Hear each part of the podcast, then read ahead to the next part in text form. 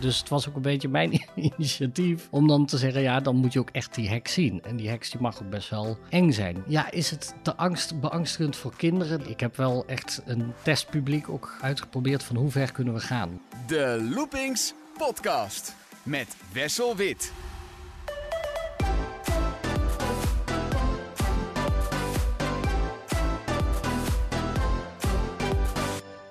Van harte welkom bij de Loopings podcast. Je hebt regisseurs van uh, speelfilms, tv-series, reclames, maar er zijn maar weinig mensen die kunnen zeggen dat ze een vliegsimulator geregisseerd hebben of een toverspiegel. Uh, Dennis Bots kan dat wel. Dennis, van harte welkom. leuk, leuk dat ik hier ben. Uh, je hebt een heleboel uiteenlopende projecten op je naam staan. heel veel Studio 100 series bijvoorbeeld, zoals het Huis Anubis, maar ook heb ik zien staan Zoep, Sinterklaasjournaal, Spanga's. Maar wat meteen opvalt als je jouw portfolio bekijkt, is dat er ook heel veel pretparkproducties tussen staan. Voor de Efteling onder andere. Ben jij zelf nou een pretparkfanaat? Ja, klopt. Als kind al was ik heel erg pretpark-fan. Dus uh, ja, nee, ik heb altijd een enorme passie voor pretparken gehad. En dat is ook, denk ik, de reden dat ik uiteindelijk ook dit erbij doe. Dus ik doe films, series. Maar ik werk ook heel veel voor uh, pretparken en entertainment. Kun je iets vertellen over hoe jouw carrière uh, van de grond is gekomen en hoe je dan bij die pretparken terecht bent gekomen? Um, ja, dat is wel, misschien wel een leuk verhaal. Ik ben zelf al toen ik 12 was, was ik al helemaal gek van film. Dus ik ben eigenlijk heel erg in de film bezig geweest. En toen ik 12 was, maakte ik mijn eerste speelfilm van 60 minuten. Wow. met, met familie en met mijn broer. Die werd overreden door een auto. En gewoon heel lekker spectaculair. Maar meer om te spelen. Omdat mijn vader eigenlijk altijd al films maakte. Uh, ik ben geboren in Afrika. Okay. En uh, mijn vader die maakte in Afrika ook altijd films als hobby. En ik vond het zo fantastisch. En ik ben me erin gaan verdiepen als kind al. En uh, zodoende ben ik eigenlijk in de filmwereld terechtgekomen. En ben ik naar de filmacademie gegaan. Maar mijn andere passie is ook pretparken. Dat vind ik ontzettend leuk. Ik vind mensen meenemen in een beleving. Uh, dat je er naartoe gaat en dat je een verhaal, verhaal daar te horen krijgt. Of dat je uh, mee echt zo'n dagje uit. Dus uh, toen ik op de filmacademie mijn laatste film moest maken, mijn vierdejaarsfilm, had ik zelf de stoute schoentjes aangetrokken, zei ik. dus ik heb een brief geschreven naar de Efteling van ik ga mijn eindexamenfilm maken. En ik heb eigenlijk bedacht dat het heel leuk is om een sprookje te verfilmen. Zouden jullie geïnteresseerd zijn om daarin mee te denken, mee te werken? En een week later zat ik bij de directie van de Efteling om erover te praten. Want die vonden dat wel een interessant idee. En zodoende is het eigenlijk uh, begonnen dat, uh, dat ik eigenlijk een combinatie heb gemaakt tussen film en pretparken. Dus ik uh, zat daar eigenlijk omdat ik de rode schoentjes wilde verfilmen. Dat was mijn eindexamenfilm wat ik bedacht had. En toen zat ik daar bij Paul Beck en Reinoud van Assenelf de Koning. En die uh, zeiden met een brede grijns op hun uh, gezicht: Ja, we hebben eigenlijk niet zo'n interesse om de rode schoentjes te verfilmen. Maar hoe zou je het vinden om uh, Villa Volta te voorzien van een film? Dat was toen een nieuwe attractie natuurlijk, die eraan zat te komen. Dat was een attractie die eraan zat te komen. Dus zo is het eigenlijk begonnen. Door, door Karen Koppelmans, destijds nog PR-manager, die had ik een brief geschreven. Werkt nog steeds bij de Efteling? Ja, die werkt nog steeds. En die had mij uh, direct eigenlijk doorgesluist naar uh, de directie. En uh, ja, zo is het eigenlijk begonnen. Dus ik mocht mijn eindexamenfilm maken naar het sprookje van Villa Volta. En hoe was dat? Want Villa Volta was toen nog niet open. Was dit dan in 1995, een jaar voor de opening? was in 1995. Dus ik ben in 96 afgestudeerd. En ik heb in mijn derde jaar moest ik mijn eindexamenfilm bedenken. En ik zelf had zoiets van, ja, ik heb geen zin om, uh, om eigenlijk een film te maken die best wel klein is. Want dat is het, uh, dat is bij een eindexamenfilm krijg je geld om een film te maken. Dus ik had zoiets van, ik wil iets maken wat echt mijn passie heeft. Dus in 95 heb ik ze al benaderd en toen was Villa Volta nog een ontwikkeling. Dus het gebouw stond er nog niet. Uh, Tom van de Ven was bezig met het verhaal te schrijven. En ik heb gesprekken gehad met Tom van de Ven. We hebben dingen zitten combineren en we hebben uiteindelijk hebben Hugo de film gemaakt. En in 96 hebben we die gedraaid. Dus toen was het, toen hebben wij zelfs nog moeten wachten totdat Villa Volta er stond om de laatste scènes te kunnen opnemen bij de buitenkant van Villa Volta. Als decor. Uh... Als decor. Ja. En de rest is allemaal gedraaid op andere locaties in Nederland. Uh, maar de buitenkant is wel echt de attractie zoals hij uh, toen gebouwd was. En het was eigenlijk met het idee van de Efteling om dat verhaal van Villa Volta eh, wat duidelijker te maken, wat aandacht te geven. Ja, ze vonden het een heel leuk idee om die film te gebruiken om eigenlijk het verhaal aan te jagen. Om iets te gaan doen met, met de bokkenrijders en om dat verhaal te vertellen. En dat was dan ook meteen een deal, omdat ze dan ook meteen de VS-band van Hugo in de schappen konden zetten van, uh, van de Efteling winkeltjes. Ja, de Efteling-fans van destijds zullen dat misschien nog wel herinneren. Tegenwoordig ja. zou je zoiets op YouTube uh, zetten. Uh, we kunnen het nu niet meer bekijken, denk ik, hè, Hugo? Uh, nee. nee, dat is het probleem omdat de filmacademie film is. Dus ah. omdat het mijn eindexamenfilm was voor de filmacademie in samenwerking met de Tros. Uh, dus de Tros zat er ook mee in. Dus de Tros ging hem uiteindelijk uitzenden. Die hebben hem ook uitgezonden. Mm -hmm. Dus het is aan de Tros om hem opnieuw uit te zenden. Hm. En de Efteling mocht hem maar voor bepaalde tijd te koop aanbieden in de winkeltjes. En dat hebben ze gedaan. En dat waren VHS-banden dus. Uh, ja, ik weet niet of je daar nu op dit moment nog een mooie digitale kopie van kan maken. Nee. Andere Efteling-producties die jij gemaakt hebt, zijn nu tot op de dag van vandaag nog, uh, nog wel te zien. Want uh, blijkbaar beviel de samenwerking goed. Ja. Want de Efteling heeft jou vaker ingeschakeld. Ja, die hebben we toen. Uh, ja, eigenlijk is er een soort samenwerking uit ontstaan. Dus op, op geregelde basis benaderden ze mij om, om mee te denken, dingen te doen voor, voor de Efteling. Dus de eerste was volgens mij uit mijn hoofd de toverspiegel van Sneeuwwitje. En toen kwamen ze eigenlijk bij mij terecht van, uh, ja, het is wel leuk als daar filmelementen in zitten. En zodoende ben ik met Henny Knoet toen samen gaan bedenken, hoe kunnen we dat voor elkaar krijgen? Hoe kunnen we die toverspiegel echt tot leven laten komen? En uh, daar is eigenlijk de samenwerking begonnen. En toen op geregelde basis hebben we wel aan attracties gewerkt en aan films. Ik heb ook bijvoorbeeld de parkband, uh, dus de, de Efteling gefilmd. Ja, vroeger kon je een, DVD of een uh, videoband kopen met uh, de hoogtepunten van een dagje Efteling erop. Ja. ja. Tegenwoordig YouTube, maar uh, vroeger inderdaad in de souvenirwinkel. de toverspiegel van Sneeuwwitje, voor wie het niet weet, die klinkt zo. Spiegeltje, spiegeltje aan de wand. Wie is nu de mooiste in het hele land? Oh, koningin, heel mooi bent u. Maar prinses Sneeuwwitje is duizendmaal mooi. Jezus. Dat kan niet. Dat kan niet waar zijn. Je moet je vergissen.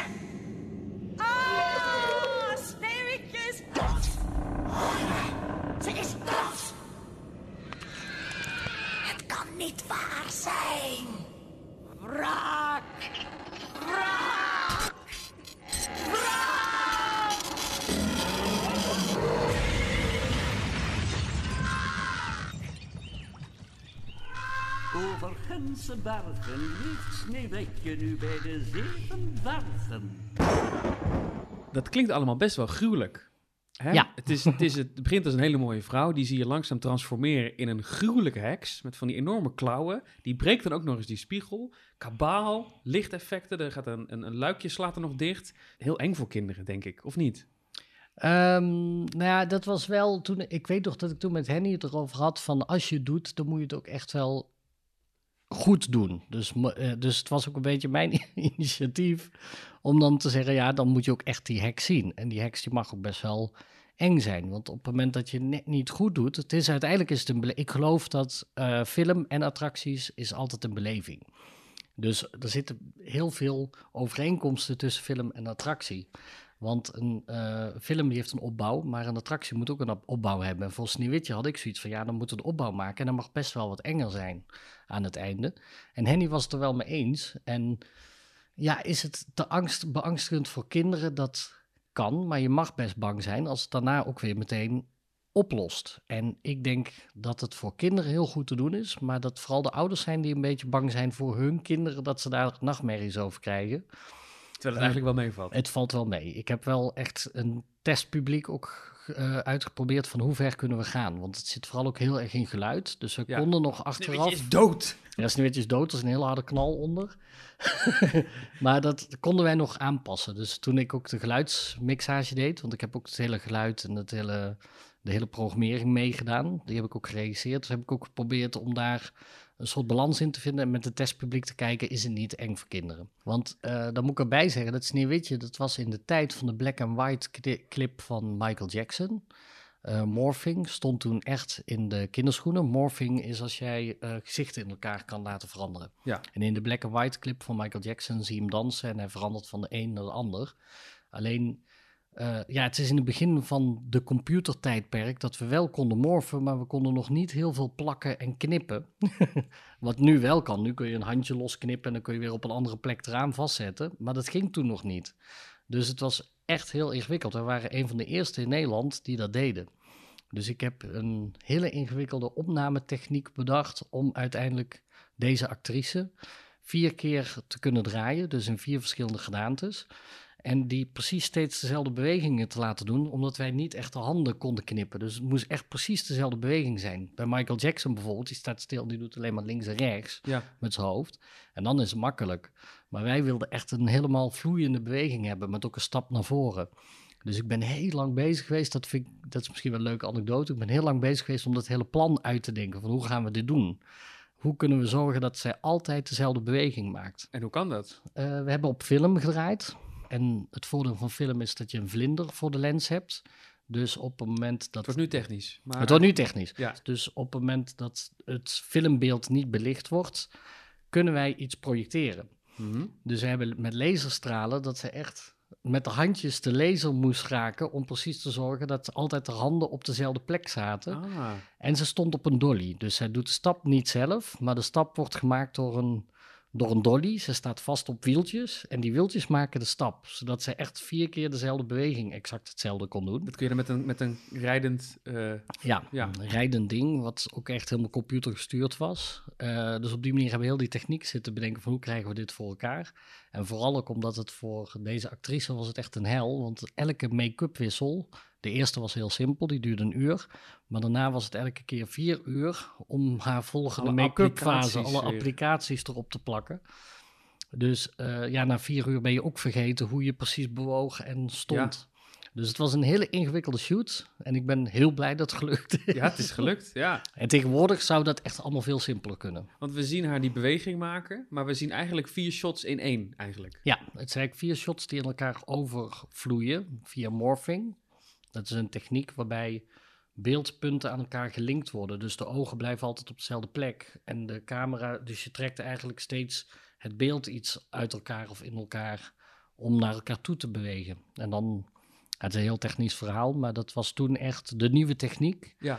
En eh, die wilden wij heel graag toepassen. Er zit wel een truc in, dat op het moment dat zij bijvoorbeeld als eh, de laatste fase, als ze naar de echt de hele enge heks gaat, dan doet ze net haar hoofd naar beneden. Ja. En in die hoofdbeweging kun je heel makkelijk dingen aan elkaar liegen. Ja, ja.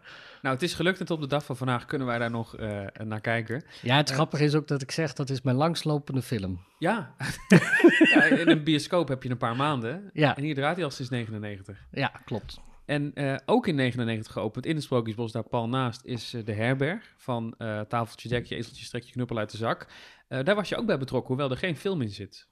Nee, klopt. Nee, ik, omdat ik dus met Henny Knoet samen Sneeuwwitje deed, was hij ook bezig met de herberg. Die heeft hij helemaal ontwikkeld, geschreven en ook het verhaal voorgeschreven. Alleen ze kwamen erachter bij de eh, opening, geloof ik, dat het verhaal heel erg lang was. En dat het, dat het mensen de, het geduld en dat, ze, dat het te lang duurde om de mensen echt te pakken en mee te nemen in die beleving. En toen hebben ze mij erbij gehaald van kun je, kun je het verhaal herschrijven? En kun je zorgen dat het een compactere attractie was, maar dat je ook meer erin getrokken wordt. En dat is eigenlijk wat ik gedaan heb bij de herberg. Dus ik heb eh, met de opnames nieuwe tekstjes geschreven en eh, ja, eigenlijk een, een nieuw verhaal ontwikkeld ervoor. Dus het hoorspel wat we nu horen, dat heb jij dan inderdaad in elkaar eh, gezet. Ja. En jouw werk is op meer plekken te zien in het eh, Sprookjesbos. Het meisje met de zwavelstokjes, voor velen het favoriete sprookje. Daar was je ook bij betrokken. Ja, klopt. En dat was een belangrijke rol, want daar zit heel veel film in. Ja, nee, dat klopt. Nee, de, ehm, eh, toen ze bezig waren met bezig met zwavelstokjes, toen had eh, Michel den Dulk had het idee om daar een hologram eh, in te maken. Dus dat het meisje echt sterft en dat ze, opste eh, dat ze naar de hemel, naar de ster eh, stijgt. Toen, toen benaderde ze mij van, hey, hoe kunnen we dat voor elkaar krijgen? En ze ken, de hologramtechniek is wel bekend. Dit is een Pepper Ghost techniek. Alleen ja, de Efteling zou de Efteling niet zijn als ze proberen toch hun eigen draai eraan te geven. En als ze het ook nog een stapje verder wilden krijgen. Dus eh, zodoende ben ik heel erg lang aan het experimenteren geweest van hoe kunnen we die hologram nog beter krijgen? Hoe kunnen we het nog strakker, mooier, Ehm, want bij de Pepper Ghost heb je altijd een dubbeling. Heb je altijd een ghost image. Mhm. Dus je hebt eh, het, de mooie projectie, maar er zit ook nog altijd een tweede laag onder die een beetje eh, rommelig is. En dat wilden we weg. En daar hebben we heel lang op gezocht. Ehm, Lex Lemmens was er toen ook nog bij betrokken. Die heeft mij dat toen bij eh, bijgehaald eigenlijk. En ik ben zelf heel erg gaan experimenteren. Hoe krijgen we dit nog beter en hoe krijgen we dit nog mooier? Het begon allemaal met een heel mooi verhaal van Michel. Een heel mooi gedicht op rijm. En eh, ik vond het echt een eer om eraan mee te mogen werken. Omdat het een van mijn favoriete sprookjes is. En het feit dat je echt zo'n hologram... dat je daarmee de emotie kunt raken... dat was echt eh, ja, voor mij een, een soort feest om te doen. Het, het is vooral was het heel erg belangrijk om te kijken hoe we, die, hoe we dat hologram beter konden krijgen. Daar heb ik allemaal technieken voor ontwikkeld. En eh, om te regisseren was vooral het verhaal emotioneel proberen te laten raken. En ook de verrassing van het hologram te kunnen gebruiken. Dus eh, het feit dat het zwavelstokje zelf een lampje is. Dus het zwavelstokje, daar zie je lampje branden. Maar dat daaruit ineens die rook ontstaat en dat, die wolk. En dat in die wolk dan de hologrammetjes van de kerstboom en van, eh, hoe heet het ook weer, kalkoen die rond gaat lopen. Jij moest dus een, eh, een film regisseren die dan vervolgens geprojecteerd werd in een bepaald sprookjesdecor eh, voor het meisje met de zwavelstokjes. Hoe lastig is dat? Ja, de- het is de samenwerking. Dat maakt het ingewikkeld. Dus dat je de samenwerking tussen een pop, een animatronic, met een hologram wat precies op dezelfde plek ligt, dezelfde afstand. Het is vooral heel veel rekenen, meten en zorgen dat het precies op elkaar komt te liggen. Was die animatronic van het meisje al af toen jij de film eh, ging maken? Eh, nee, die was nog niet af. Eh, dus wij, op de ontwerpen hebben we het hele plan bedacht. En ze hebben wel het gezicht van de animatronic heel snel geboetseerd, zodat wij daar ons meisje op konden aanpassen. Dus ik moest een meisje vinden wat precies op de animatronic ging lijken. De Efteling maakt altijd poppen die net iets larger than life zijn. Dus we hebben een meisje gevonden wat precies paste op het gezicht. En die hebben we ook weer met prosthetics, met een nepneus en met een kin. Ik heb nog steeds de prosthetics, de- ik moet er heel voorzichtig mee zijn, heb ik thuis in mijn kantoor staan van het meisje met de zwavelstokjes. Wauw. De opplak om haar het meisje te maken van de Efteling. Zodat ze op de pop lijkt. Nou ja, wat daar eigenlijk het lastigste aan was, was dat wij heel graag een soort 3D-gevoel eraan wilden geven. Want die animatronic die had al diepte en dat wilden we eigenlijk in de film ook doorzetten. Dus ik ben heel erg gaan experimenteren van hoe kunnen wij toch op dat platte filmvlak, want dat is bij een hologram is het eigenlijk een soort plat filmvlak waar je, eh, waar je de hologram op projecteert. Hoe kun je daar toch die diepte in krijgen? En ehm, op een gegeven moment dacht ik van ik ga gewoon vrij extreem, ga ik een, een grijstintenkaart filmen en die projecteren om te kijken wat er gebeurt. En eh dat is heel simpel, dus ik heb een hele grote grijstintenkaart gemaakt, waarbij je dus eh, van wit naar zwart gaat in een miljoen tinten. En toen viel mij ineens op dat bepaalde grijstinten wegvielen. Dus toen ik dat projecteerde in een hologram, kwam ik ineens, dat was het Eureka-moment dat ik dacht van wacht even, je hebt een ander contrastbereik. En toen ben ik daarmee gaan spelen. Dus het hele leuke is dat je eigenlijk bij de opnames was, waarbij er niemand bij is geweest. Die, dat was echt de meest lelijke make-up en de meest lelijke kleding die we ooit gemaakt hebben, omdat wij gebruikten alleen maar de grijstinten die je kon zien in de hologram. Waardoor je eh, iets wat zwart was, was gewoon pikzwart, maar iets wat grij- donkergrijs was, al was bijvoorbeeld heel erg donkergrijs en dan was er die kleur grijs en dan was er die kleur wit. Het was maar heel beperkt. En we hebben alleen die kleuren gebruikt wat heel erg een 3D-gevoel geeft. Omdat je heel specifiek alleen maar de grijstinten gebruikte die uiteindelijk bij de hologram overeind blijven. En dat heeft, eh, ja, daar ben ik een maand mee aan het spelen geweest, maar dat heeft zoveel impact gehad voor dat hologram. En de mensen die bij de opnames aanwezig waren, zullen wel gedacht hebben, nou, Het ziet er niet uit. Ik hoop dat het voor elkaar heeft. Het ziet er niet uit. Het zag er echt niet uit. Het was echt als je een, een wang zag. Dat was echt gewoon, dat was gewoon bijna alsof iemand zich zo heel lelijk had opgemaakt. Met een soort zwarte indianenstreep zo op zijn wang. Om de, maar in het, het, qua effect werkte dat heel erg goed. En dat is, eh, ja, dat hou ik nog steeds voor mezelf. Want ik heb nog steeds die grijs tintenschaal. Dat als ik ooit nog een keer zo'n hologram moet maken, weet ik, ik moet in dat bereik blijven zitten. Want anders dan valt het weg. En dan dat verhaal erbij, wat dan eh, eh, prachtig wordt voorgelezen. Ehm, dan pinkert er toch veel mensen een traantje weg als ze dat voor de eerste keer zien. Raakt jou dat dan ook? Zeg maar, dat jouw beleving zoiets doet? Ja, dat is eigenlijk waarom ik ook filmmaker. Ik, ik noem mezelf altijd verhalenverteller. Want ik geloof dat een, ik, ik geloof in het verhalen vertellen. Eh, je maakt een verhaal om mensen te emotioneren, om een beleving eh, teweeg te brengen. En het feit dat je daar mensen nog steeds van ziet genieten en dat je soms een traantje ziet, ja, dat doet heel veel met je. Dat, is echt bekroning op je werk. En dat is een, eh, een beetje het sprookjesbos. Maar vervolgens ben jij ook betrokken geweest bij echt grote Efteling-attracties. De grote klappers, waaronder de Vliegende Hollander. Ja, klopt. En Ja, daar, heb je, daar heb je heel veel voor gedaan. Want ik heb eh, eh, zien staan, eh, je hebt de, de making-of geregisseerd. De tv-commercial geregisseerd. De projecties die we zien in de attractie ben je eh, betrokken bij geweest. Maar volgens mij nog veel meer. Ja, klopt. Nee, ik ben ook, eh, ik ben ook toen benaderd om het verhaal mee te, eh, te ontwikkelen van de beleving eigenlijk. Van, eh, Karel Willemer had hem ontworpen. Die had een heel mooi verhaal met heel veel werelden waar je doorheen zou komen. Maar dat was, paste uiteindelijk ook niet helemaal in het budget. En eh, toen heb ik eh, met, samen met hem zitten adviseren hoe we die attractie als een film kunnen aanvliegen. Dus eh, ik heb eigenlijk mijn filmkennis daarop losgelaten en heb ik mee zitten kijken van hoe kun je de mensen verrassen, in wat voor werelden kom je, dus in welke ruimtes kom je en hoe kunnen we daarmee spelen met het verwachtingspatroon. Dus bijvoorbeeld ook hoe kun je zorgen dat de open zee echt open zee lijkt. Ehm, Zijn daar trucjes voor? Ja, daar zijn trucjes voor. Ehm, het feit dat je eh, je ogen passen zich heel snel aan aan licht.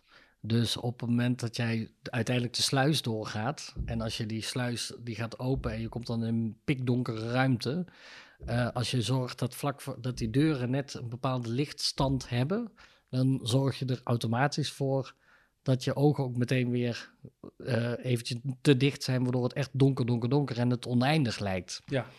Dus bijvoorbeeld zijn idee was eigenlijk dat je in de verte nog een stadje zou zien. En toen zei ik van ja, dat moet je niet doen, want dan heb je eigenlijk eh, heb je een blikpunt waardoor je het einde voelt. En dan verpest je een beetje de illusie dat er echt niks is verder. Je verpest de illusie. En ook het feit dat je dan in een mistbank terechtkomt. Dus al die stappen, daar heb ik op geadviseerd. Van hoe kun je toch zorgen dat je steeds verder, steeds dieper dat sprookje ingaat van, of de legende van de Vliegende Hollander.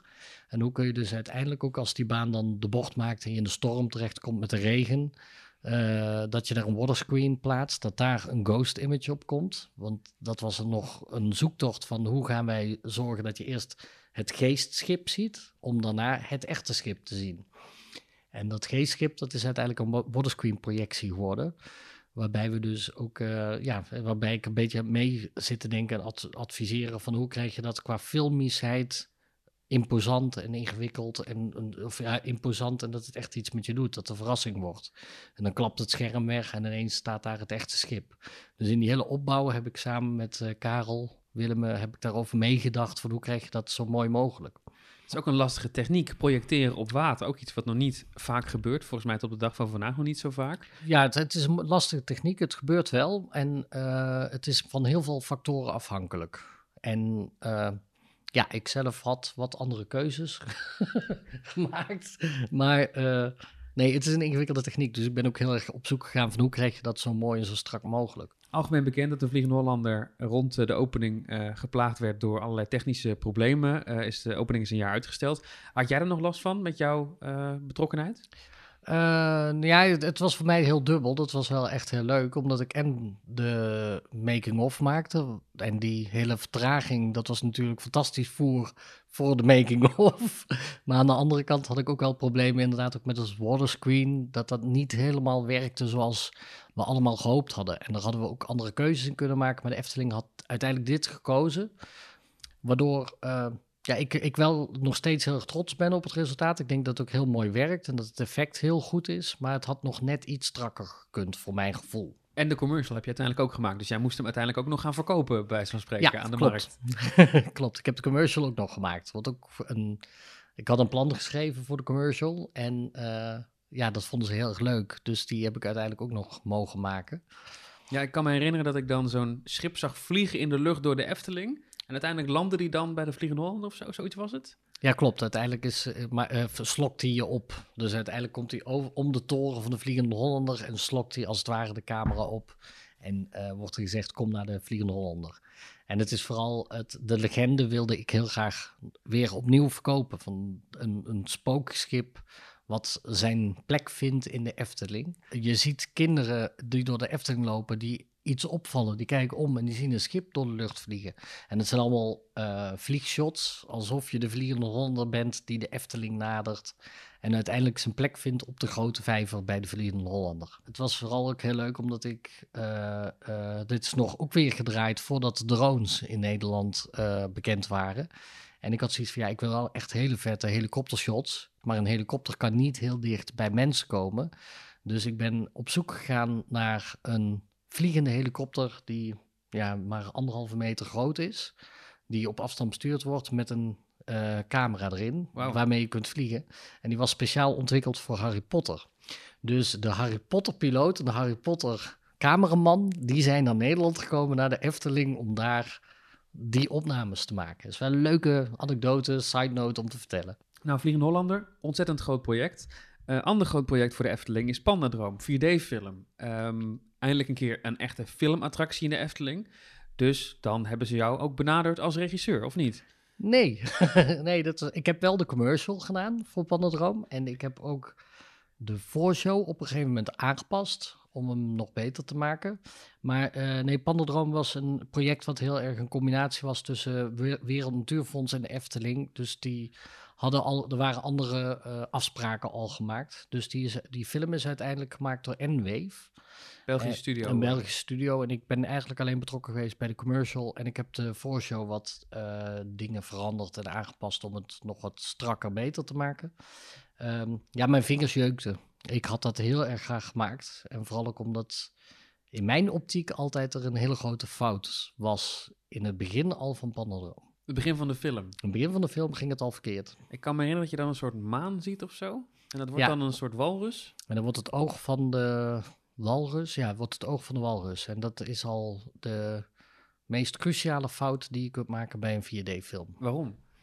Omdat je namelijk 4D werkt, omdat het binnen jouw kader zit. Dus eh, je hebt namelijk eh, links-rechts. Heel, nu ga ik wel weer heel erg technisch worden. Mhm. Dus met je ogen, jouw, jouw hersens, die houden je voor de gek. Net zoals bij Villa Volta hou je hersens je ook voor de gek.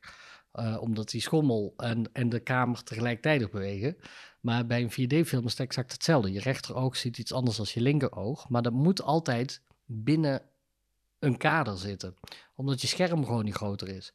Maar omdat je begint met de maan en dat wordt uiteindelijk de ogen van de walrus... is die walrus groter als het scherm. Dus in het begin zeggen je hersens, dit is gewoon plat. En ineens wordt het 3D. En ineens, daar zit een soort, ik, ja, je krijgt er, ik weet niet of mensen dat hebben gehad, maar je kunt daar dus hoofdpijn van krijgen. Dat is volgens mij een bekend verhaal bij Pandadroom. Ja, dus daar zit gewoon al een cruciale fout in. En ehm N-Wave is wel de studio die heel erg bekend is met 4D-films. En daarom was ik ook echt verbaasd dat deze fout gemaakt werd. Heb jij Fabula al gezien, de opvolger van Ja, Pandadroom? duizend keer beter. Daar, kun jij, daar ben je tevreden over. eh. Ja, dat vind ik echt een hele goede 4D-film. je, zelf, je handen jeuken niet meer. nee, nu niet meer. En het ding met 3D-films is natuurlijk ook altijd de vraag, hoe lang gaat die mee? Pandadroom is gigantisch lang eh, blijven draaien.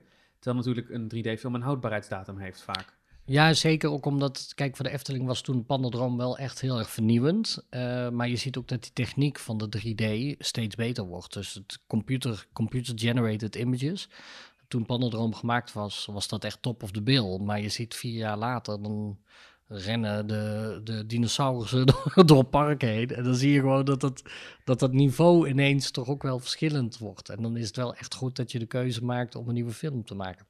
Op het Efteling-lijstje heb ik nog eh, staan het sprookje van Joris en de Draak. Dat is eigenlijk een beetje dezelfde insteek geweest als Hugo bij Villa Volta. Een Ja. film maken om het verhaal van Joris en de Draak uit te leggen. Die staat wel op YouTube.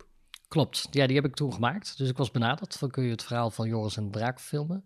En dat hebben we ook inderdaad gedaan. Dat eh, eh, heb ik nog meer gedaan hoor. Ook voor De Vliegende Hollander hadden we ook een korte film gemaakt. Ja, en dat hebben we voor Joris en de Draak. Hoe krijgen we dat sprookje bij de mensen bekend en hoe kun je dat aanjagen op YouTube? En daar hebben we echt een heel leuk filmpje gemaakt. Twee dagen gedraaid in de Efteling. En één dag nog buiten de Efteling hebben we het sprookje verfilmd. En delen van eh, dat sprookje van Joris en de Draak en van de Vliegende Hollander zijn volgens mij ook te zien in de wachtrij. Hè? Er hangen wat schermen in de wachtrij waar dan wat fragmenten te zien zijn. Klopt, ja. Bij de Vliegende Hollander was het op advies van mij. Ik zei van ja, we hebben nu zo'n mooi materiaal, kunnen we dat niet gebruiken ook in de wachtrij? En toen zijn die schermen erbij gekomen. Als, als kritische storyteller is het ook wel lastig om uit te leggen waarom er tv-schermen in een wachtrij hangen. Dat klopt. Uh, maar dat, het, het, ding is dat ze bij de Vliegende Honden hangen ze pas later in de wachtrij. Dus ze zitten niet in het eerste gedeelte waar je echt het sprookje ingetrokken wordt. Maar ik denk wel dat het heel erg, je wil die Willem van der Dekken, wil je body geven. Dus als storyteller, je komt al binnen in het huis van Willem van der Dekken. Je ziet de spiegel en er verschijnt het gezicht. Je loopt daarna door de smokkelaarsgang, maar je hebt die man nog nooit ontmoet. En later in de attractie zou je hem wel ontmoeten op het moment dat je die lift heel hebt. En uh, dus was het belangrijk om die Willem van der Dekken ergens in te verwerken. Dat is de reden waarom die schermen er op een gegeven moment zijn gekomen. Ja. En dus vanuit storytelling punt is het wel jammer dat het tv's zijn. Maar het was wel heel goed om die man wat meer een gezicht te geven. En de Metronic was ook leuk geweest, maar dan zit je weer met een budget natuurlijk. En de Metronic was ook leuk geweest. Ja. Dus ik denk dat ze dat daarna bij, bij bijvoorbeeld Baron 1898 wel slimmer hebben aangepakt. En een bekend merk uh, voor uh, ouders met kinderen is uh, de Sprookjesboom. daar was je ook bij betrokken, bij de eerste animatieserie. maar dan niet als regisseur, geloof ik. Nee, klopt. Nee, ik was benaderd door de Efteling van... we willen heel graag onze sprookjesfiguren een karakters geven. Dus dat je echt ook de karakters nog meer body geeft. En toen ben ik eigenlijk betrokken geweest bij het ontwikkelen van de serie De Sprookjesboom. Dus we hebben zitten kijken met een groep van schrijvers in een writersroom... van hoe kunnen wij zo'n leuk mogelijke karakters met bestaande sprookjesfiguren krijgen. En hoe kunnen we daar hele leuke, grappige verhaaltjes van maken? En toen ben ik eigenlijk als creative daar als sturende factor, hoe kunnen wij de Sprookjesboom als een animatieserie zo leuk mogelijk maken? Qua regie uh, had ik er destijds geen tijd voor. En het is motion capture. Het werd gedaan door het bedrijf Motec. En dat betekent dat acteurs met uh, markers op hun handen eigenlijk de poppetjes bespelen. En dat is een bepaalde techniek waar al een regisseur heel erg veel ervaring mee heeft. En dat is Hans Walter. Ken ik ook heel erg goed. Dus hij heeft die hele serie geregisseerd. En ik vond het heel erg leuk om samen met die schrijvers eigenlijk de meest zotte verhaaltjes met de sprookjesboomfiguren te verzinnen. Het, de leuke anekdote weer is van ik zat op een gegeven moment zat ik na te denken over van ja, we hebben een fakir, die willen we heel graag als poppetje hebben, maar wat, kunnen we die, wat doet die fakir eigenlijk? En uh, toen kwam een van de schrijvers kwam op het idee, uh, we moeten die fakir, die moet gewoon elke keer hulp komen bieden aan de sprookjesboomfiguren. En om hem te krijgen moet je drie keer stampen en dan vliegt hij naar je plek.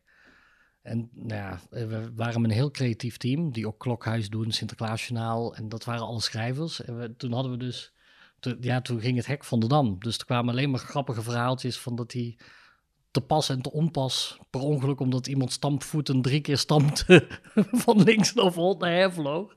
En zodoende is ook een liedje ontstaan, uh, stampen, stampen, stampen, drie keer moet je stampen. Ja, en de vaak komt meteen. vandaag nog steeds een uh, hit uh, bij de kinderen. Um, weinig mensen zullen weten dat dat een motion capture serie is. Want die zien dan een animatieserie. Denken, nou, dat is dan in de computer gemaakt. Maar de figuren die je in de serie ziet, zijn dus daadwerkelijk acteurs. Met inderdaad allemaal uh, dingen op hun lijf. Die al die bewegingen hebben uitgevoerd in een studio. Ja, klopt. Dus dat is ook een bepaalde techniek waar je ook als regisseur heel veel beperkingen hebt. Dus ook qua schrijven heb je heel veel beperkingen. Omdat het wel echt door acteurs gespeeld moet, uh, moet worden. Is het makkelijker juist dan in de computer?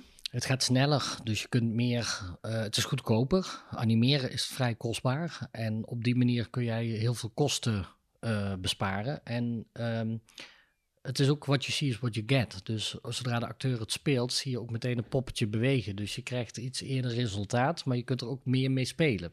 Dus het is een techniek die voordelen en nadelen heeft je bent natuurlijk wel gebonden aan bestaande sprookjeskarakters. Je kunt niet in één keer een nieuw karakter erbij gaan verzinnen, want het moeten karakters zijn die al in het sprookjesbos leven van de Efteling. Ja. Nou, je, je noemde al het voorbeeld van de Fakir. Was het zo lastig om die personages een eigen karakter te geven? Want ja, de grote boze wolf, ik ken hem nu door zijn karakter van de sprookjesboom, als een hele sluw iemand met een bepaalde stem in je hoofd. Maar dat hebben jullie bedacht. Ja, Nee, het was heel erg leuk. Omdat ik, ik vind het altijd leuk. Ik noem dat altijd de wat als oefening. Wat als, uh, wat als de boze wolf bijvoorbeeld uh, niet meer de boze wolf wil zijn. Ik heb ook nog ooit een keer sprookjes cd's gemaakt. En daar hebben we ook samen met René Merkelbach destijds ook verhalen verteld met de boze wolf. Die gek wordt van het feit dat iedereen altijd maar bang voor hem is. Want hij wil ook ooit een keer bevriend zijn met anderen. Met, met, met Roodkapje. Waarom rent ze altijd voor me weg? En dat zijn van die grapjes waar je heel leuke dingen mee kunt vertellen. En zodoende hebben we ook voor de Sprookjesboom de serie hebben heel erg zitten kijken van wat kunnen we met die karakters die iedereen kent doen, waardoor ze toch net even een kwinkslag krijgen. Dus Roodkapje is best wel een stoer meisje in, eh, in de Sprookjesboom de serie. En we hadden ook op een gegeven moment bedacht dat Roodkapje in een identiteitscrisis zou- terecht zou komen. Dat ze niet meer Roodkapje wilde zijn, maar Witkapje. Dat leek ons heel erg leuk. Alleen dat is dan weer die motion capture techniek. Omdat die karakters helemaal gebouwd zijn en die worden door acteurs gespeeld. Kun je heel moeilijk aanpassingen doen Het aan, het uiterlijk. Ja.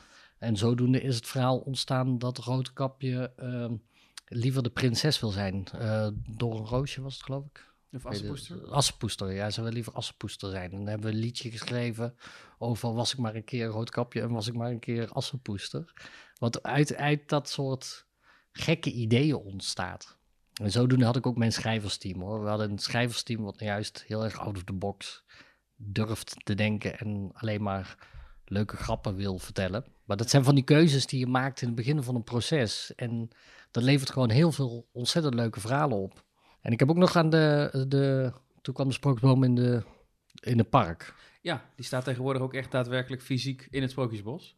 Ja, klopt. En daar heb ik ook nog, want ik werd toen benaderd door Peter Koppelmans. Van, hey, eh, kunnen we daar een interactieve attractie van maken? Dus toen heb ik ook nog mee zitten denken over hoe krijgen we dat voor elkaar... en hoe moet het verhaal opbouwen dat hij echt kan reageren op, op de mensen die met de boom een gesprek aangaan en een sprookje vragen. Ja, want het idee is volgens mij dat hij dan ook namen kent en de weersverwachtingen. En ook wil je een verhaal horen van A of B. En dat hij dan, de kinderen kunnen dan ook daadwerkelijk roepen. En Sneeuwwitje, en dan krijg je het verhaal van Sneeuwwitje. En als Ja. je het niet verstaat, dan zegt hij... oh, ik weet ook nog een ander leuk verhaal. ah ja, Dus ik heb zo'n heel, ik heb een heel ingewikkeld schema gemaakt van wat als, wat als, wat als. En eh, dat is uiteindelijk ook gebruikt voor de attractie. Je hebt ook een uitstapje gemaakt naar de polder, eh, na al het Efteling-werk. Want eh, jij bent ook aan de slag gegaan voor Walibi Holland. Die hadden ook een karakter in een identiteitscrisis eh, waarvan ze dachten... misschien kan Dennis ons helpen om dat verhaal van dat karakter te vertellen. Want jij hebt meegewerkt aan Eddie the Movie... met het verhaal van Eddie the Clown, hun Halloween-karakter. Klopt. Ja, was ontzettend leuk hoe dat... ik werd benaderd of ik daar een... of we niet een film met Eddie konden maken. En ja, toen, ging mijn... Een horrorfilm, een horrorcomedy. En eh, ja, er, is, was weinig budget, dus we konden niet heel groot uitpakken. Maar ja, het was voor mij een feest om te maken. Want ineens alle spontane ideeën kwamen bij me op. We hadden ineens bedacht dat Eddie mensen ging interviewen, Nederlanders ging vragen, bekende Nederlanders, of ze niet een keer een lijk wilden spelen in zijn film. Dat had hij ooit een keer als YouTube-filmpje gemaakt. En toen dachten we, ja, dan moeten we nu ook echt een film maken. En zodoende is Eddie the Clown the Movie eigenlijk ontstaan. Ehm, gefilmd in Walibi ook. Gefilmd in Walibi. Dus ik weet nog dat ik het script schreef. En ehm, dat ik voor het script werd benaderd van oké, dan moeten we nu een film gaan maken met een horror clown die, eh, die alles op stelte zet. En we hadden allemaal hele spontane ideeën. En dat ik ook tegen Walibi zei, ja, maar dan...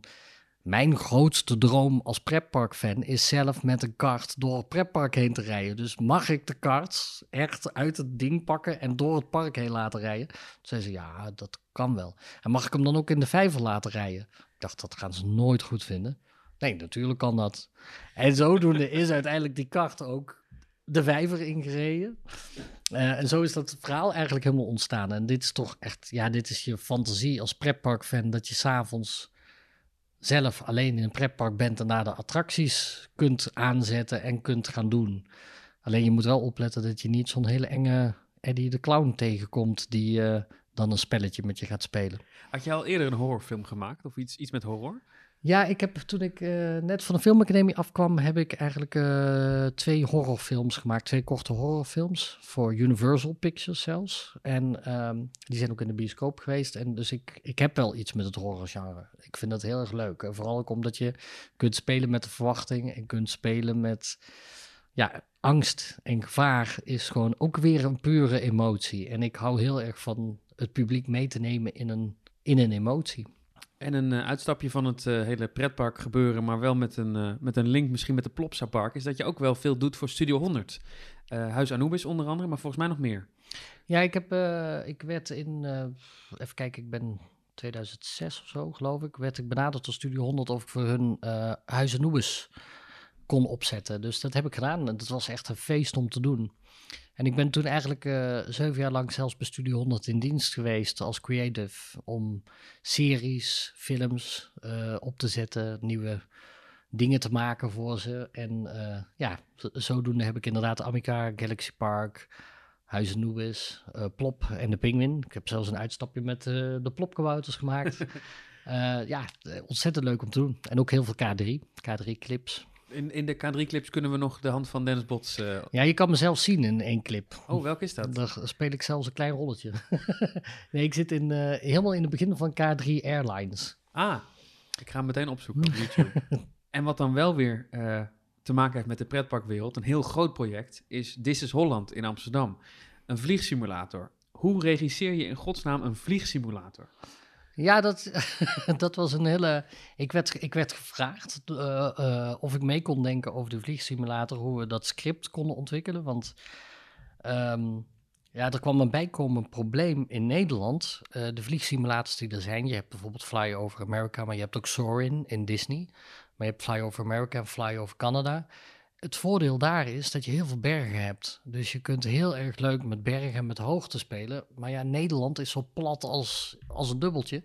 Dus dat werd, daarom kwamen ze ook bij mij van dit is de uitdaging. Hoe kunnen we toch beleving, hoe kunnen we toch een hele vette, heftige ride maken met, met Nederland, wat zo plat is als een dubbeltje. Dus zodoende ben ik er eigenlijk bij betrokken geraakt. Eerst op scriptniveau, van, om daarover mee te denken van hoe kunnen we daar een verhaal mee maken dat je echt het gevoel hebt dat je vliegt, maar dat je ook verrast wordt en dat er hoogteverschillen in zitten.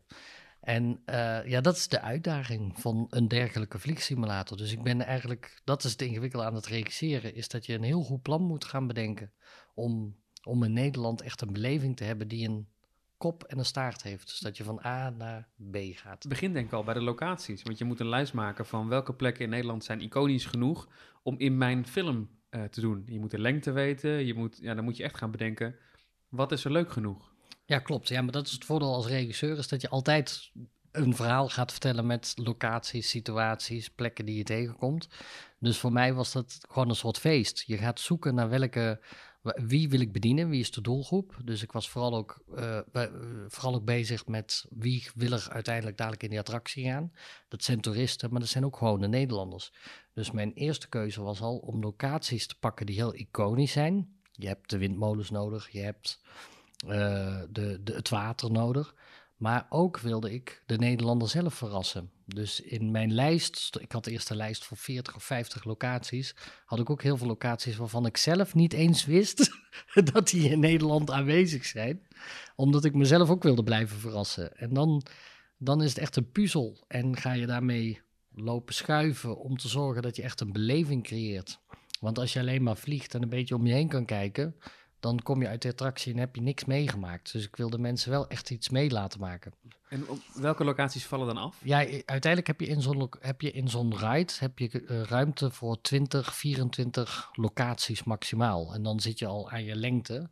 Uh, dus je gaat heel erg kritisch ga je kijken hoe kun je voor zoveel mogelijk dynamiek zorgen. Hoe kun je zoveel mogelijk uh, contrast in locaties. Dus het nadeel van Nederland is dat alles behoorlijk groen is. Dus ik, wat viel al heel snel af waren locaties waarvan ik denk van ja, die zijn wel groen en die zijn wel heel spectaculair, maar ze hebben net niet de verrassing die ik zoek. Je zoekt net eigenlijk dat je de kijker steeds verrast en dat er elke keer iets gebeurt wat je niet verwacht had. Want dan krijg je eigenlijk een verhaal van A tot B, dan krijg je een film. Dat is de gedachte achter elke film die ik maak, maar ook achter de film van Dit is Holland. Dus je wil mensen verrassen. Er moeten momenten zijn dat je iets verwacht. Je verwacht dat je dit gaat doen, maar het is toch net iets anders. En dan raak je mensen en dan creëer je beleving. Dus dat was uiteindelijk de, de truc om een film te creëren waarbij je continu mensen kunt verbazen, verrassen, verwonderen. En daarmee die beleving van vliegen echt kunt bewerkstelligen. Ja. Want het leuke van deze Holland is dat je vliegt. Je vliegt als Peter Pan over Nederland. Dus je wil ook echt mensen die beleving meegeven. Dan heb je als regisseur die puzzel gemaakt en dan staan die locaties min of meer vast. Um, normaal gesproken ga je dan filmen En dat doe je dan met een camera. En daar heb je ervaring mee. Maar nu moest alles vliegend. Dat brengt natuurlijk een ontzettende moeilijkheid met zich mee. Want ga maar eens vliegen over de Rotterdamse haven of door de Amsterdamse grachten. Dat was ook meteen de uitdaging, want het eerste wat ik wilde gaan doen is dat ik heel erg laag wilde gaan vliegen met de helikopter. Dus ik wilde op sommige momenten echt met een helikopter acht meter boven de grond gaan vliegen. En doe dat maar eens in Nederland. Dus het grootste probleem was ook om de vergunningen überhaupt te krijgen. We zijn bijvoorbeeld met Amsterdam, die aan het eind van deze Holland zit, zijn we meer dan een jaar bezig geweest om hun te overtuigen van dit moet je doen en dit kan en het is veilig. En na een jaar kregen we inderdaad de toestemming, oké, jullie mogen dit doen. In eerste instantie waren ze een beetje sceptisch eh, daarover. Ja, je, in, Amsterdam mag je bijvoorbeeld gewoon echt niet vliegen. Je mag zelfs niet met een drone vliegen. En je mag, eh, je mag wel met een helikopter vliegen, maar die helikopter die mag maar eh, op, wat was nou, 150 meter boven de stad. Dus je mag niet lager. En ik wilde in Amsterdam op 30 meter hoogte vliegen. Dus ik heb, we hebben echt moeten, de productie heeft echt met ze moeten babbelen. En we hebben zelfs eerst Rotterdam moeten gaan draaien om te laten zien van kijk, dit, het kan. En toen, Toen konden ze je overtuigen. en toen konden we Amsterdam ook overtuigen dat het heel veilig kon. En een traumahelikopter die landt ook midden in Amsterdam. Maar het is gewoon heel ingewikkeld om die toestemming te krijgen. Wat je zei net bijvoorbeeld van alle locaties, die heb je dan allemaal op min of meer in de skip staan. Het eerste wat ik al deed daar is zeggen, nee, dit zijn de locaties die we vliegen. En die komen ook in deze volgorde in de film. De film is helemaal op papier bedacht en helemaal zo ook uitgevoerd, omdat het gewoon heel erg duur is om met een helikopter te vliegen over, over, door, door de Rotterdamse haven. Of bijvoorbeeld Schiphol. Wij vliegen echt letterlijk met een helikopter over de landingsbaan van Schiphol. Ja, dan ligt een uur ligt die landingsbaan stil om dat shot te kunnen maken. En dan rust er ook een behoorlijke druk op jouw schouders. Want het zou maar eens mislukken. Ja, dat klopt. Dus, en, dus het moet van tevoren echt allemaal heel goed doordacht zijn. En eh, je zit natuurlijk ook met overgangen tussen de bepaalde shots. Want Ja. ik heb je ook wel eens horen zeggen... je kunt niet een shot eindigen heel hoog... en dan een volgende shot heel laag op de grond zitten. Ja, ja, uiteindelijk als jij in This is Holland, je bent een bezoeker, jij gaat, in, je gaat erin zitten, je gaat vliegen over Nederland, maar voor jou is het één vlucht. Dus het is niet dat het shot, shot, shot is. Dus eh, als ik op 50 meter hoogte vlieg en ik ga naar het volgende shot, moet ik ook weer op 50 meter hoogte zijn, want anders spring ik. En dat geeft een hele rare, eh, of een hele rare gewaarwording als er ineens heel veel hoogteverschil zit of een, s- tempo of een andere snelheid. Of als ik net een bocht naar rechts maak en het volgende shot maakt een bocht naar links. Het is echt één grote beweging die je aan elkaar moet plakken en die moet kloppen. Dus dat was echt ook de uitdaging van hoe krijgen we die, het, het echt één vlucht die je gaat maken. Nu is het allemaal gefilmd met een helikopter. Ehm, sommige mensen zullen zich afvragen... waarom niet gewoon met een drone? Nou, het is met een helikopter ten eerste omdat een helikopter eh, die he- heeft de juiste gevoel van vliegen. Dus wat, wij, wat je met zo'n attractie wil, Peter Pan, met een helikopter kun je die bewegingen maken. Eh, verder is het een techniek waarbij er best wel een zware camera onder de helikopter hangt. Als je diezelfde camera onder een drone zou hangen, dan moet je hem al verlagen, omdat het namelijk helemaal, het is eh, immersive. Je zit er helemaal middenin. Dus het is een fisheye. Dus je kijkt ook naar boven, naar beneden, naar onder. Bij een drone zou je al heel snel de, de wieken zien van de drone. Dus dan moet je hem al verlagen en dan wordt die drone veel te onstabiel. Een drone is ook zo klein dat als je dat zou uitvergroten op dit formaat, dat scherm is gewoon 20 meter, dan zie je bijna elke, elke trilling ga je zien. Dus een helikopter was bij deze film een veiligere keus. We hebben wel een paar shots gemaakt met een drone, maar die hebben uiteindelijk de film niet gehaald. Als creative ben ik bezig geweest, wat moet ik allemaal in beeld zien? Want uiteindelijk alleen maar vliegen is alleen maar vliegen. Je wil ook leven laten zien. En dat was ook de uitdaging, dat je een boot ziet, een vliegtuigen, eh, mensen zie je lopen, schapenkuddes. Heb je nog veel nabewerking moeten doen? Want dan zijn al die shots zijn af. Ja, zie het maar eens aan elkaar te plakken. Nee, ik heb, eh, ik heb in de nabewerking hebben natuurlijk, je moet altijd wat dingetjes aanpassen. Dus wat horizons verleggen, want de horizon moet ook altijd op dezelfde plek zitten. En je moet het soms hebben een beetje moeten draaien, maar we hadden blijkbaar is het best wel goed strak gevlogen, waardoor het vrij, ja, vrijwel meeviel qua montage en qua aanpassen van shots, wat we hebben moeten doen. Wat we natuurlijk wel hebben gedaan, maar dat was van tevoren bedacht. Er zitten een aantal digitale effecten in, een aantal computer-generated images, die wij heel subtiel hebben toegepast. Want ik wilde niet net zoals eh, een bepaalde Soarin-attractie waar heel veel 3D-werk in zit, wilde ik alles echt echt laten zijn. En hebben wij dus eigenlijk ervoor gekozen dat we zo min mogelijk CGI erin toe wilden passen. Dus er zijn een aantal CGI-elementen die wij hebben toegevoegd. Wat is er precies toegevoegd? Oh ja, maar dat, ja, dan moet je natuurlijk de attractie kijken. Ik eh, ben ik wel benieuwd of mensen zien wat er is toegevoegd. Nou, wat ik, wat ik wel kan zeggen is dat ehm, eh, bijvoorbeeld als je, dat is wel een goed voorbeeld, dat is ook een anekdote, als je over de landingsbaan van Schiphol vliegt op een vrij lage afstand en er komt ineens een Boeing 747 onder je door, dan had je dat in het echt kunnen opnemen, maar dan was de helikopter naar beneden gelazerd door de slipstream van de, van de 747, omdat hij natuurlijk gewoon veel te sterke kracht naar achteren heeft, waardoor die helikopter weg zou vliegen. Dus het zou kunnen zijn dat, dat, dat die Boeing er achteraf ingelegd is. En hetzelfde geldt ook bijvoorbeeld bij ballonnen, luchtballonnen, daar kun je niet te dichtbij komen.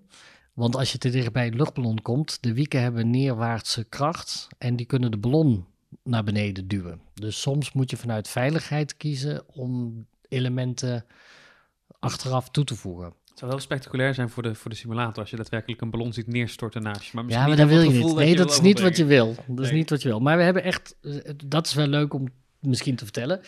Dingen waarvan je denkt van dit kan nooit echt gebeurd zijn, zijn wel echt gebeurd. Dus een Fokker, eh, de Fokker 4, dat zijn vier van die kleine Fokker vliegtuigjes.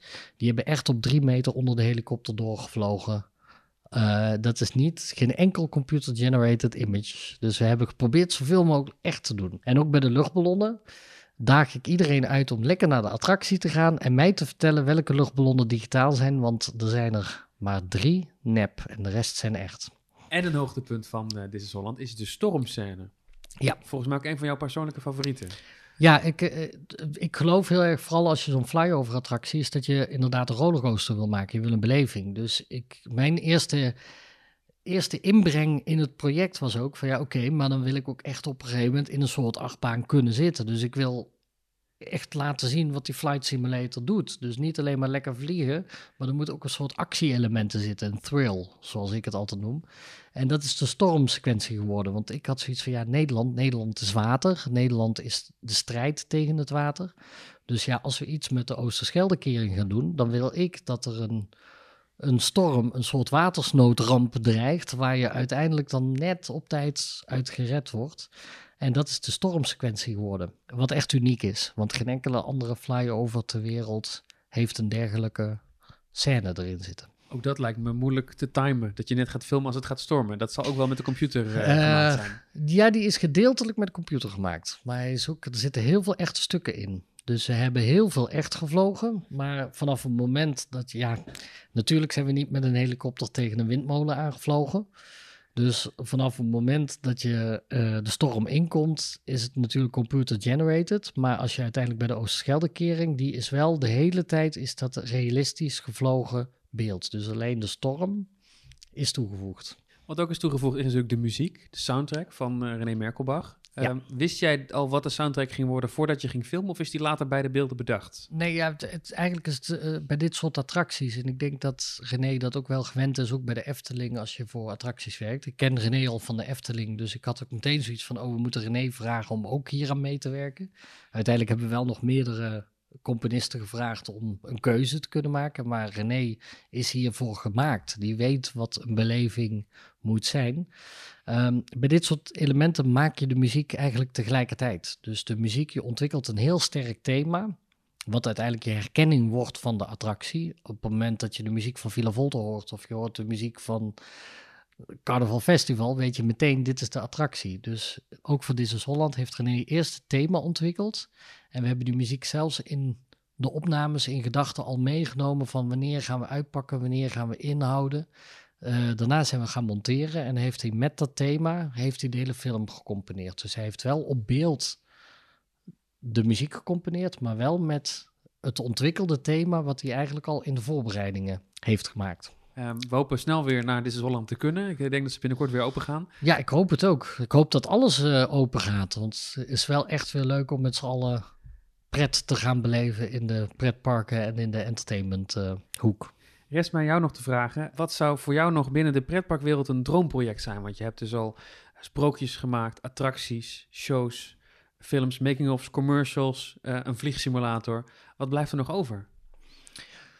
Ehm, Oeh, dat, je weet wel wat voor vraag je stelt. Wat blijft er nog over? Ja, ik, als, als, je, als ik gewoon carte blanche heb, ik zelf zou het echt ontzettend mooi vinden om een attractie te maken waarbij film, realiteit, alles hand in hand gaat en je in een volledige beleving wordt geworpen. Eh, ik ben zelf bijvoorbeeld eh Spider-Man in Universal. Ik wilde het net zeggen, ja. Dat is voor mij is dat echt de ultieme attractie. En ik vind het zo mooi nu ook om te zien dat dat steeds meer gebeurt. Dus dat er nu echt attracties zijn, Ratatouille, maar waar ook filmelementen en attracties steeds meer hand in hand gaan. En ik denk dat dat echt de toekomst is. Dus dat je op een gegeven moment niet meer weet wat nou geprojecteerd is, of wat nou een hologram is, of wat een pop is, een animatronic. Of dat je alles, dat alles samen het verhaal vertelt. En dat het niet meer uit, dat je echt de beleving in wordt getrokken door al die elementen met elkaar te combineren. Dat zou mijn ultieme droom zijn om daar echt een heel groot ding mee te maken. Als een attractiepark luistert, die dit wel ziet zitten, kunnen ze jou bellen. Ja, altijd. Je luisterde naar een aflevering van de Loopings podcast. Heb je vragen of opmerkingen? Mail dan naar podcast@loopings.nl. En wil je geen afleveringen missen? Abonneer je dan via de verschillende podcast-apps zoals Spotify. Bedankt voor het luisteren en graag tot de volgende keer.